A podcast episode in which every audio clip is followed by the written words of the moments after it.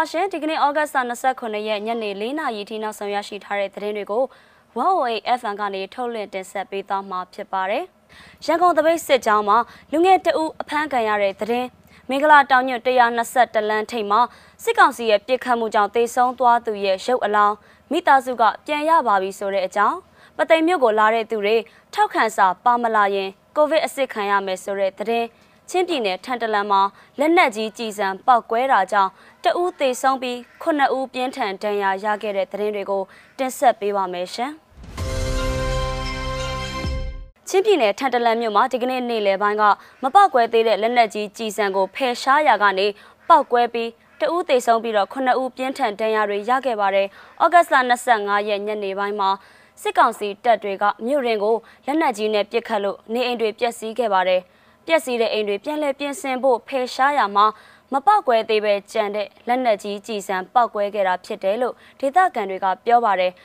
လူတွေတော်တော်များများပြင်းထန်တဲ့ဒဏ်ရာရမှာစိုးရိမ်စရာတော့ကောင်းမယ်လလော့ဆယ်တယောက်တော့တေသွားတာပေါ့လို့အနီးနားကဒေသခံကပြောပါတယ်ပောက်ကွဲတဲ့လက်နက်ကြီးတန်ကြောင်စစ်ကောင်စီတပ်တွေရောက်လာပြီးမြို့တွေမှာထပ်မံပစ်ဖောက်တာတွေလည်းလုပ်နေတယ်လို့သိရပါတယ်ရှင်။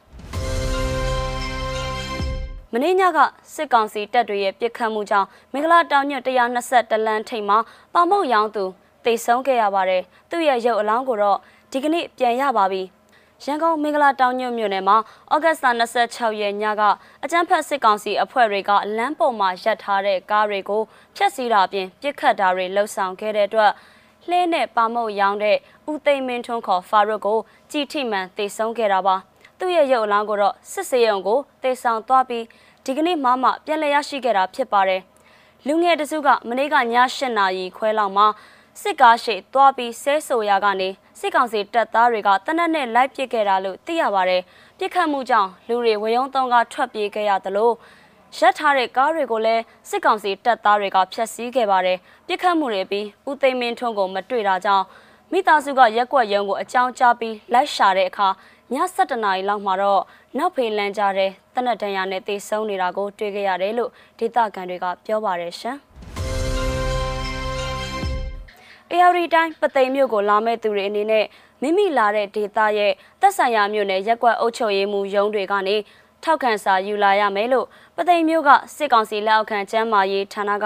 ကြေညာချက်ထုတ်ထားပါတယ်။ထောက်ခံစာမပါရင်ကိုးစုတိုးဂိတ်မှာကိုဗစ်စစ်ဆေးခံရမယ်လို့လည်းထုတ်ပြန်ထားပါတယ်။ အဲ့ဒီလိုပဲ AR တိုင်းအတွင်းကပသိမ်မြောင်းမြကျုံပြော်နဲ့ဘိုကလေးမြို့နယ်တို့မှာလည်းစစ်ဆေးရမှာဖြစ်တယ်လို့ထုတ်ပြန်ထားပါတယ်။ပသိမ်မြို့ကိုလာတဲ့သူတွေကိုကိုဗစ်စစ်မဲ့အစီအစဉ်ကိုတော့မနက်ဖြန်ဩဂတ်စ်လ28ရက်ကစပြီးဆောင်ရွက်မှာပဲဖြစ်ပါတယ်ရှင်။ဆင်အာနာရှင်စန့်ကျင်ရေးလူမှုလွတ်မြောက်ရေးတိုက်ပွဲအတွက်ရန်ကုန်မြို့သပိတ်စစ်ကြောင်းကလူငယ်တွေ ဒီကနေ့ဩဂတ်စ်လ29ရက်မနက်ပိုင်းမှာစံထားပြခဲ့ကြပါတယ်။စန္ဒပြလူငယ်တွေထဲက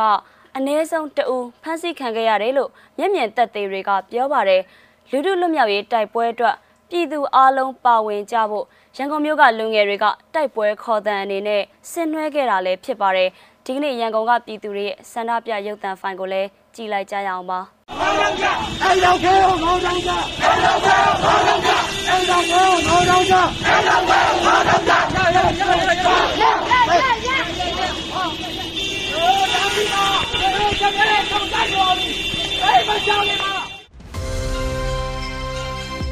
ဒီကနေ့ဩဂတ်စ်လ29ရက်ညနေ4နာရီထိနောက်ဆုံးရရှိထားတဲ့သတင်းတွေကို 108FM ကနေထုတ်လွှင့်တင်ဆက်ပေးခဲ့တာပဲဖြစ်ပါတယ်။နားဆင်ပေးခဲ့ကြတဲ့အတွက်ကျေးဇူးတင်ပါတယ်ရှင်။